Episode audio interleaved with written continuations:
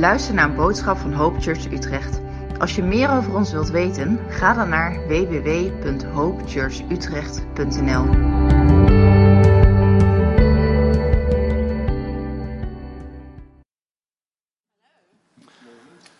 En welkom.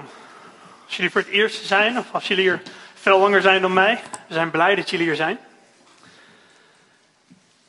Heel blij. En vandaag gaan we door met het thema, die was eh, begonnen vorige week. Dus vorige week heeft uh, Jan Willem gesproken over breken uit liefde voor jou. Dus we volgen deze thema in de weken komen naar Paasdag. En we gaan weer die thema een beetje oppakken uit liefde voor jou. Dus vorige week, Jan Willem, breken uit liefde voor jou. Deze week gaan we het hebben over herstellen uit liefde voor jou. Herstellen uit liefde voor jou. Nou, als jullie het vorige week hebben gemist, Jan Willem heeft gesproken van Psalm 51. Psalm 51 van David, die dan, die dan bidt. En dus als wij vandaag gaan praten over Jezus, die herstelt wat gebroken is, dan moeten we wel goed weten, wat is eigenlijk gebroken? Dus als we terugkijken naar vorige week en over Psalm 51, tegen wie heeft David zijn psalm? Tegen wie zit hij te praten? Nou, tegen God. Toch? En dus dan zien we een interessante vraag. Als dit iets te maken heeft met ons en God, net zoals met David, wat herstelt Jezus precies? En wat betekent dat voor jou en voor mij nu en dan in de toekomst? Dus waarom Jezus? Belangrijke vraag. Het meest belangrijke vraag. Waarom heb ik Jezus nodig? Waarom heb jij Jezus nodig? Dus als je je Bijbel mee hebt, mag je vast draaien naar Johannes hoofdstuk 3. Johannes hoofdstuk 3, best een bekende tekst. Omdat we gaan het oppakken in vers 16. En we gaan van vers 16 tot vers 19 gaan we samen lezen.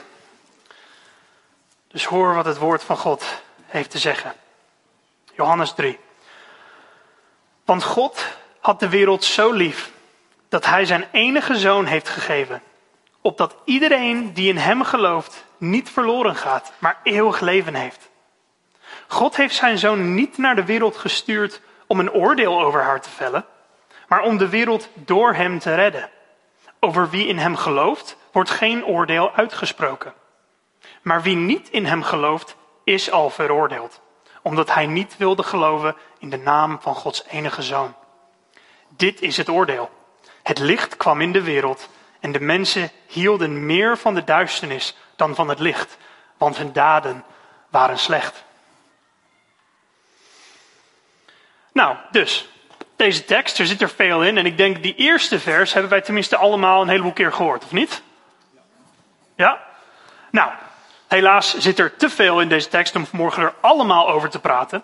Maar waar ik wil blijven stilstaan voor de volgende minuten, is die oordeel waar het het over heeft, en dan de redding. Want het gaat een beetje andersom. We beginnen met de redding en dan praat het vast over de oordeel. Want we houden allemaal van die eerste stuk, toch niet? Want God heeft de wereld zo lief gehad. Oh ja, nou dat is heel fijn. Hij heeft zijn enige zoon gestuurd. Wauw, dat is liefde. Maar dan horen we die zin, zodat we niet verloren zouden gaan. Daar struikel je een beetje over van, oké. Nou, de meeste mensen buiten de kerk kennen die tekst ook. En voor ons is die tekst echt het kern van het evangelie, het goede nieuws. Maar voor de meeste mensen die het gewoon buiten de kerk horen, is het van, oh nou dat was mooi, maar dat heeft niks te maken met mij. Waarom? Omdat om Jezus zijn boodschap te ontvangen als goed nieuws, moeten wij wel begrijpen waarom het goed nieuws is. Dus wij kennen allemaal Johannes 16, Johannes 3, 16, die eerste vers. Maar hoe vaak lezen we wat verder? Ik was ooit eens gevraagd, oké, ja Glenn, kan je Johannes 3, 16 spreken? Ja, tuurlijk kan ik dat. En toen werd ik gevraagd, oké, in vers 17, 18, kan je door? En ik dacht, nee, eigenlijk niet. Maar die versen daarna vertel ons ook wat over die, die mooie vers, over het evangelie. Waarom gaan wij verloren als wij niet in Jezus geloven? Wat is dit oordeel die bevalt alle mensen die niet geloven in de naam van God zijn enige zoon? Wat is het oordeel dat wij allemaal verdienen zonder geloof in Jezus? Ik realiseer me dat dat geen fijne onderwerp is. Daar willen we vaak niet over denken met die versen. Maar ik denk, om echt de herstel van Jezus volledig te waarderen, moeten wij wel zien waarom Hij moest komen. Dus we lezen eigenlijk verderop in vers 19 dit. Dit is het oordeel. Het licht kwam in de wereld en de mensen hielden meer van de duisternis dan van het licht, want hun daden waren slecht. Het licht kwam in de wereld, maar de mensen hielden meer van de duisternis. De mensen hielden meer van de duisternis. Als we over liefde praten, waar denken we allemaal meteen aan? Ons hart. En wat we hier lezen is dat wij een hartprobleem hebben. Dus Jezus laat ons eerst het probleem zien die onder alle symptomen ligt. En dan komt hij met zijn behandeling. Deze licht die in de wereld kwam, kwam op ons te schijnen en dan ook te laten zien, niet alleen wie hij was, maar moet eens kijken in die licht hoe slecht jullie het hebben omdat hij denkt dat wij niet die volledige beeld kregen totdat Jezus kwam. En zijn diagnose is dit. Wij hebben een dode hart. Die voelt niks meer voor God en wil niks met hem te maken. En dat veroorzaakt eigenlijk al ons andere problemen. Wij zijn niet in relatie met God. Er mist wat daar. Nou, en dit kunnen we zien omdat in de brief van Johannes, 1 Johannes hoofdstuk 1, gebruikt hij de woorden God is licht. Oké, dus het licht kwam in de wereld, God is licht. Jezus kwam in de wereld. Volledig mens, volledig God, kwam in de wereld. En wat wij lezen dan is dat mensen trekken zich blijkbaar terug van wat puur en schoon is, die licht, wat heilig is. Omdat hun daden waren slecht. Wij willen ons eigen weg gaan. Het is eigenlijk zo erg dat in Romeinen zegt Paulus dat wij haters van God zijn. Het is niet zomaar dat, oh, oké, ja, nou, ik wil niks met hem. Nee, we haten hem. In ons hart. Die dode hart. Dat wij willen hem en zijn goede heerschappij niet.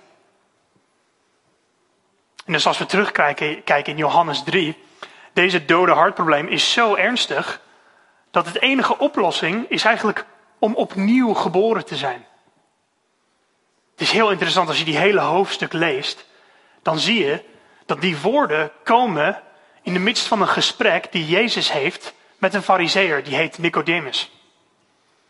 En die kwam naar Jezus toe en die zegt, we weten dat je van God bent, omdat alle werken, alle wonderen die je doet, dat, dat kan men niet zonder dat God bij hem is. En Jezus zijn antwoord daarop, hij zegt voorwaar, ik zeg het tegen je. Je zal niet de koninkrijk van God zien, behalve als je opnieuw geboren bent. Nou, en dat doet Nicodemus echt helemaal. Hij zit daar te krabben aan zijn hoofd van, maar ik ben oud. Hoe moet ik opnieuw geboren zijn? Dat, dat is onmogelijk. Nou, die woord opnieuw dat wij hebben in het Nederlands. Het is een hele mooie woord, omdat als je helemaal terugdraait naar het Grieks, heeft die woord ook een tweede betekenis. En die tweede betekenis is van boven. Dus wij moeten opnieuw geboren zijn of op een andere manier van boven geboren zijn. Nou, dus Jezus komt van boven als de enige zoon van God om de vaders liefde voor ons te tonen en de relatie te herstellen tussen een heilige God en een opstandig en zondig mensheid. Nou, dus dan vraag je misschien, Glenn, waarom begon je met die hele oordeel, dode harten? Daar begon ik mee, omdat wat wij moeten erkennen en waar wij ons moeten laten verwonderen vandaag is dit. Jezus herstelt het onherstelbaar. Jezus herstelt het onherstelbaar. Een gebroken relatie, dat komt door een dode hart. Oké, nou wat was de oorzaak? Onze zonden stonden tussen ons en God. Wij hebben die relatie zelf afgebroken. En zo wouden wij het. Zo wouden wij het. Nou, wat betekent dat? Als wij het zelf hebben afgebroken, wij hebben nu geen recht en geen voorkeur om terug te gaan. We zijn allebei die dingen kwijt. En als je me niet gelooft, dit, dit verhaal zien we door de hele Bijbel. Ga eens terug naar het Oude Testament. Denk maar, de relatie tussen God en de Israëlieten. Ze zitten in Egypte. Hij redt ze van de slavernij. Hij kiest voor hen. Redt ze. Geeft hun het land van Canaan en de wet, zodat zij weer in relatie met hem konden zijn. Hij wou bij hun zijn. Het was niet de mensen die zeiden: Oh God, wij willen weer naar u. Nee, ze, ze, riep, hebben verredding geroepen. Maar toen zei God: Oké, nu kom ik dichtbij. Maar dan wel op een bepaalde manier. Maar hij wou bij hen zijn. Wat is het resultaat? Lees de boeken van de koningen maar. Keer na keer na keer na keer draaien ze weer weg. Tijd na tijd draaien ze weer weg. Weg van God. Het wordt eigenlijk zo erg dat op een bepaald moment in Jesaja zegt God deze woorden. Dit volk mij naar de mond praat, mij slechts met de lip bedient, terwijl hun hart ver bij mij vandaan is. Ze hadden de wet, ze wisten alle dingen die ze moesten doen, maar God kon zien, ze zouden die dingen doen, maar hun hart was ver van Hem. Die wouden ze eigenlijk niet doen. Dus ons hart tegelijkertijd is ook ver van God vandaan. We kunnen zeggen, oké, ja, die Israëlieten. Maar als we eerlijk zijn, kunnen we zien dat tegenover God hebben wij allemaal een stenen hart. Een dode hart. En God wist dat al. God wist dat al lang. En hij had er een plan om er wat aan te doen. Dat zien wij in Ezekiel, hoofdstuk 36. Dan hoor je deze woorden. Ik zal jullie een nieuw hart en een nieuw geest geven. Ik zal je versteende hart uit je lichaam halen en je er een levend hart voor in de plaats geven. Ik zal jullie mijn geest geven en ervoor zorgen dat jullie je aan mijn bepalingen houden en mijn regels naleven. Dus oké, Jezus herstelt het onherstelbaar. Wat wij letterlijk nodig hebben, wat wij zien van de hele verhaal van de Bijbel, van deze teksten, is dat wij hebben een harttransplantatie nodig. En even vraag, wie hier zou een harttransplantatie op zichzelf kunnen uitvoeren? Ik ben blij dat niemand de hand omhoog stak, omdat dan zeg ik van we gaan wel later praten. Ja, nog nooit probeerd en alsjeblieft niet doen. Maar dat is niemand, toch? En hier is het allerergste, we kunnen het ook niet voor elkaar doen. Omdat het zegt dat er hier een dokter staat. En dan gaan we zeggen, ik heb een harttransplantatie nodig. Nou, hier is het groot probleem. Stenen harten kunnen geen levend harten voor elkaar vinden. Oké, je hebt een nieuw hart nodig. Zo'n hart? Nee, nee, nee, die is net zoals de mijne. Die is net zoals de een die ik heb. Oh, Oké, nou eens even kijken. Hier zo'n hart. Nee, die is ook nog van steen. We hebben een groot probleem. Dus wij kunnen het niet zelf. En we kunnen het niet voor elkaar. Dus hoe kan Jezus nou dat? Hij kan het omdat hij herstelt het onherstelbaar. Hij breekt en vervangt onze stenen hart met een levende hart uit liefde voor ons. Als wij gaan denken, wat wij hebben gebroken, de relatie met God, heeft God zelf hersteld. Hij heeft het zelf hersteld. Zo diep is de liefde van God. Dat hij zijn eigen zoon gaf, zodat er weer relatie kan zijn tussen hem en ons. Dat moest hij niet doen. Dat hoefde hij echt niet te doen.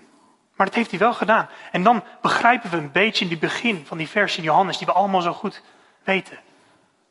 De liefde van God. En dan moeten we ook beseffen dat de manier waarop Jezus de relatie herstelt, is niet van ons terug naar God, maar van God naar ons. Er was geen weg terug voor ons. Niet onder onszelf eigen kracht. Niet dat we zelf konden doen. Maar van God naar ons, vanuit één kant. Of op een andere manier, van boven.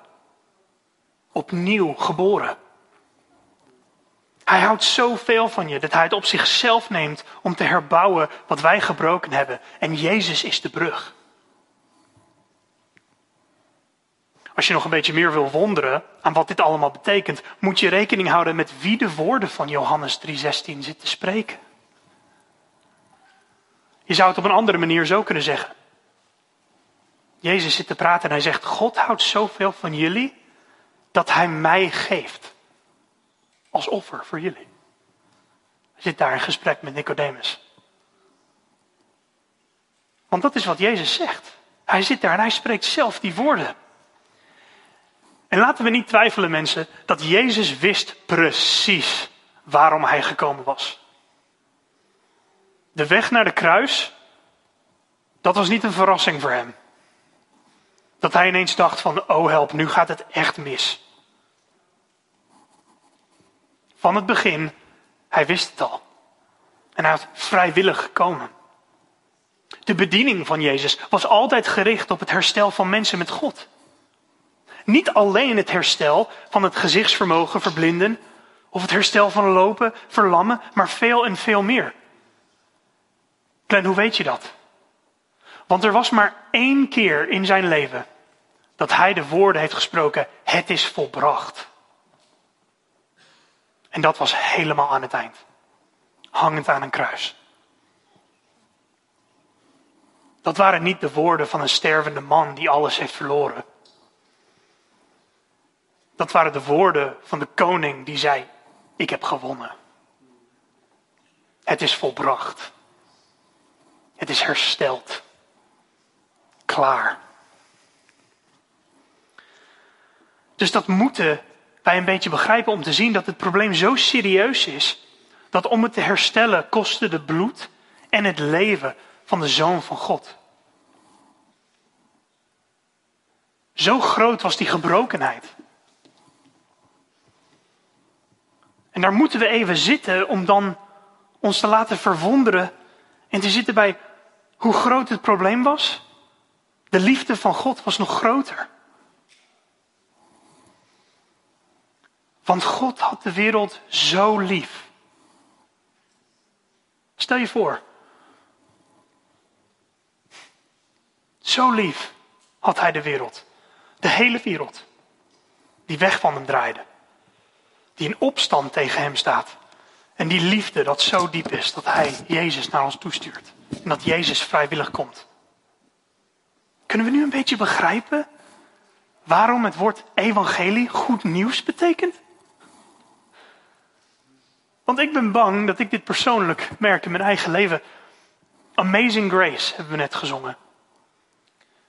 Maar helaas, over tijd het lijkt naar mij dat in mijn eigen hart wordt het minder en minder amazing. Wordt gewoon een feit. Oh ja, Jezus houdt van me. Maar kunnen we stilstaan en zien wat dat echt betekent? Dus wat we even gaan zien, is wat dit wel betekent en wat dit niet betekent voor ons. Een paar keer heen en weer. Dus beginnen op de ene hand. Wat betekent het wel? De ene weg naar God staat open. We hebben een kans op nieuw leven. Je kan zo naar hem toe. Maar dan wel door Jezus en alleen door Jezus. Dat zegt hij zelf heel duidelijk. Johannes 14:6, ook een bekende vers. Ik ben de weg, de waarheid en het leven. Niemand kan bij de Vader dan door mij. Ik denk dat wij niet goed begrijpen soms die woord niemand staat erin. En in het Grieks, weet je wat dat woord betekent? Niemand. Te gek, hè? Maar, maar ik zeg dat omdat we horen het vaker dat mensen die klagen dat er maar één weg bestaat, begrijpen niet goed de diepte van de gebrokenheid en de onbegrijpelijke hoge kosten en wonder van de oplossing. Wat het God kostte om die relatie te herstellen. Als wij deze dingen in het oog houden, komen we te zien dat deze wonder alleen kan in Zijn wil en op Zijn manier. Want dan zie je de diepte van die gebrokenheid en wauw. Wil je de herstelling die Jezus aanbiedt ontvangen? Het staat open voor je. Maar je moet het wel kiezen. Er is maar één voorwaarde. Om vrijwillig naar Jezus te komen en onze gebrokenheid en nood toe te geven en Hem te vragen voor Zijn voorspraak. Je moet het kunnen zeggen. Dit probleem is te groot voor mij. Ik ben niet genoeg. Ik heb jou nodig. Jezus, ik heb jou nodig. Want we lezen in ons tekst vandaag dat zij die niet kiezen voor Jezus staan al geoordeeld. Alsnog, zo serieus is het probleem. Geen Jezus, geen oplossing. Als we zien hoe groot zijn liefde is geopenbaard in Jezus, hoe vreselijk zou zijn oordeel zijn? Dan kunnen we ook onszelf eigenlijk vragen: hoe serieus zijn wij over anderen hierover te vertellen? Over deze herstelling? Moet ik vaak over denken en dan word ik geprikt, geraakt in mijn eigen hart. Omdat zo'n grote liefde, door zo'n diepe gebrokenheid, mensen moeten dat horen. De ene weg staat open. Dus dat betekent het wel. Nou, op de andere hand, wat het dan niet betekent is, de weg naar God op meerdere manieren. Dus bijvoorbeeld religie of je eigen voorkeur. Je kan het niet zelf verdienen of verzinnen. Die twee dingen. Je kan niet zeggen, ja, ik ga het verdienen. En je kan ook niet zeggen, oké, ik ga een nieuwe manier vinden. Ik ga gewoon deze kant om en dan kom ik er ook. Dat kunnen we niet doen. De redding en herstelling die Jezus offert is niet zomaar één keus tussen anderen. Het is niet zomaar wat we zien in onze wereld, dat om ons heen zijn er keuze voor alles. Wat ga je straks eten na de dienst? Welke film ga je kijken als familie? Waar ga je naartoe op vakantie? Keuze, keuze, keuze. Hier, het is ook een keus. Maar er is echt alleen één keus. De wijsheid van God spreekt tegen de mensheid die een oplossing voor al hun problemen wil, alsof ze zitten te bestellen bij Burger King. Doe het op jouw manier. Have it your way is hun, hun slogan in Amerika. Als wij denken dat wij het zelf kunnen verdienen om goed genoeg te zijn voor God, dan hebben wij een hele verkeerde beeld van God. We zijn en zullen nooit heilig genoeg zijn voor de Allerhoogste God zonder een bemiddelaar. En dan niet zomaar een bemiddelaar. Jezus herstelt wat onherstelbaar is. Omdat voor een godsgroot probleem hebben wij een godsgrote oplossing nodig. En dat disqualificeert dan de hele mensheid om die oplossing zelf te vinden. Niet alleen wij die hier zitten, maar iedereen in de geschiedenis van de wereld, zo slim, zo goed, maakt niet uit. Het is een godsgroot probleem en wij hebben zijn oplossing nodig. We zien dit weer in de schrift. 1 Timotheus, hoofdstuk 2, vers 5. Want er is maar één God en maar één bemiddelaar tussen God en mens. Christus Jezus. Eén bemiddelaar. Jezus kwam voor jou en zelfs nu klopt hij bij jou aan de deur. Niet als een verkoper, een keuze onder anderen. Wil je dit hebben? Nee, oké, is goed. Maar als de enige oplossing voor jouw hartprobleem.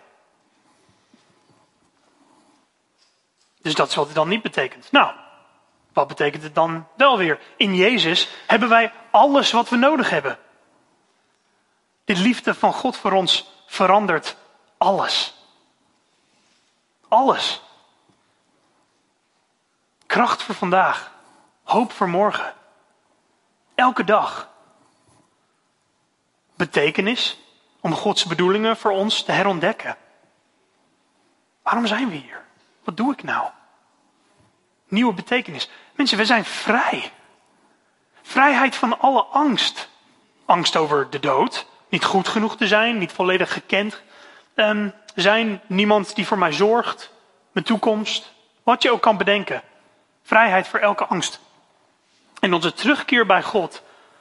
Laat ons dan al deze dingen in zijn handen leggen en dan ruilt hij zijn vrede. En dan geeft hij een onwankelbare vertrouwen in zijn liefde voor je. Door het geopenbaarde liefde die Jezus ons liet zien aan het kruis. Jaren geleden. Als je ooit denkt, ik, ik wankel, houdt God wel van me? Johannes 3, 16. Ga eens nog een keer lezen. En we zijn niet alleen vrij van wat achter ons ligt, onze zonde, die dode hart, maar ook vrij om alles wat voor ons ligt goed en slecht aan te pakken. Zonder die angst. Paulus zegt het zo in nog een bekende tekst, in de Filippenzen, hoofdstuk 4. Ik heb geleerd om in alle omstandigheden tevreden te zijn. En als je de leven van Paulus kent, dan weet je dat zijn echt een heleboel omstandigheden. Ik weet wat het is om gebrek te lijden, maar ook wat het is om in rijkdom te leven. Ik heb alles aan de leven ondervonden. Overvloed en honger, rijkdom en gebrek. Ik ben tegen alles bestaand door Hem die mij kracht geeft. Nou, Jezus geeft ons dan vaak wel wat zijn herstelling volle effect geeft in ons. En niet altijd wat wij zouden willen. En helaas weten wij vaak niet het verschil tussen wat we nodig hebben en wat we willen. Maar dankzij de Heer, Hij weet het wel. Dus dat brengt ons weer, wat betekent dit nou niet, dit herstelling van Jezus? We zeiden het net, het is niet een probleemloze leven zonder moeite. Dat betekent het niet. Wij leven nog in een gebroken wereld. Kijk om je heen. De ziekte die alles in iedereen bevalt zonder Jezus, die dode hart, is grotendeels nog aanwezig om ons heen. De schepping zucht en lijdt in verwachting. De mensen om ons heen die nog in opstand leven tegen God. Jezus heeft ons daarvoor echt heel duidelijk gewaarschuwd. Hè? Als de wereld mij haat, zal het jullie ook haten. Het licht kwam in de wereld. Die licht schijnt nu in ons. En wij zijn eigenlijk ook nog niet perfect. Wij worsten allemaal nog met de mens die wij waren voordat Jezus er wat aan deed. En we kunnen dan ook pijn voelen en pijn veroorzaken in anderen. Wij zijn niet perfect.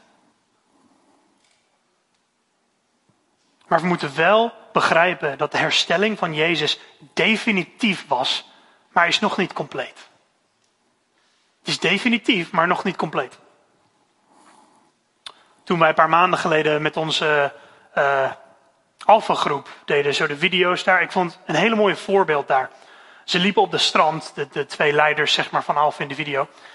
En ze waren daar in Frankrijk op het strand, waar D-Day plaatsnam, Normandy.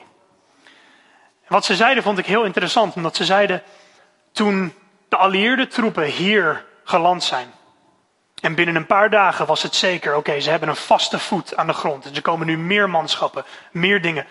Iedereen wist dan eigenlijk al dat het oorlog voorbij was. Als je strategisch zat te kijken, dacht je, dat was eigenlijk de dodenklap. Dat was het. Alles anders was een beetje meer het opruimen en de overwinning was maar een kwestie van tijd. Mensen, de overwinning is al zeker omdat Jezus heeft onze relatie hersteld. Dus dat geeft ons hoop om door te gaan, door te strijden. Op de goede dagen en de slechte. Omdat op één dag weten wij dat alle dingen gerecht worden gezet.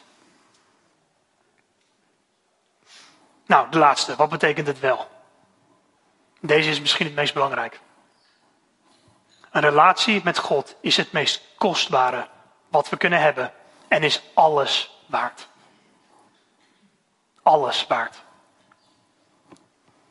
Wij ruilen alles dat wij zelf kunnen verdienen of vinden voor de onvergelijkbare rijkdommen van wat God geeft in Jezus. Dus door Jezus, zonen en dochters van de Vader. Ik denk, we, horen deze woorden zo vaak, maar we, we denken er gewoon niet om. Zonen en dochters van Allemachtige God. Door Jezus een eeuwige erfenis samen met Hem. Hij zal regeren. En jij bent dan samen met Hem. Door Jezus alle hoop, vreugde en vrede zit in ons toekomst en is nu al bereikbaar door Hem. En wij zien dat nu nog niet. Niet volledig. Nog niet helemaal compleet. Maar op een dag krijgen we wel een visioen van Openbaringen, hoofdstuk 21, van hoe dat er wel uitziet. Dat wil ik even voorlezen als we hier beginnen met afsluiten. Omdat deze woorden moeten ons doen denken aan de diepte van onze gebrokenheid. De diepte van Gods liefde voor ons. En hoe Jezus dat heeft hersteld. Dit zegt ook Johannes toevallig, die openbaring heeft geschreven in hoofdstuk 21. Ik hoorde een luide stem vanaf de troon, die uitriep, Gods woonplaats is onder de mensen. Hij zal bij hen wonen. Zij zullen zijn volken zijn en God zelf zal als hun God bij hen zijn. Hij zal alle tranen uit hun ogen wissen. Er zal geen dood meer zijn, geen rouw, geen jammerklacht, geen pijn, want wat er eerst was, is voorbij. Hij die op de troon zat, zei: Alles maak ik nieuw. En dat is allemaal mogelijk omdat God uit liefde zijn zoon heeft gegeven, zodat door hem wij niet verloren gaan aan onze verdiende oordeel, maar eeuwige leven hebben met hem voor altijd. Wonder boven wonder. Jezus herstelt het onherstelbaar.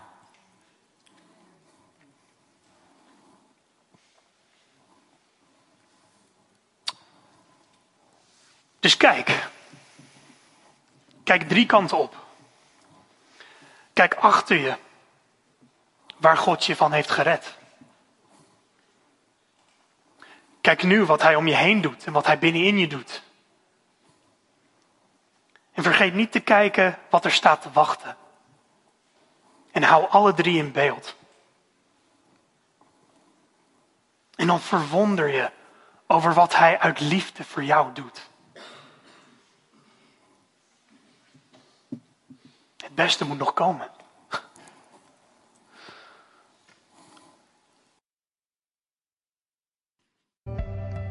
Bedankt voor het luisteren en we hopen dat je hierdoor bemoedigd bent. Als je meer wilt weten over Hope Church Utrecht, ga dan naar www.hopechurchutrecht.nl. Tot de volgende keer.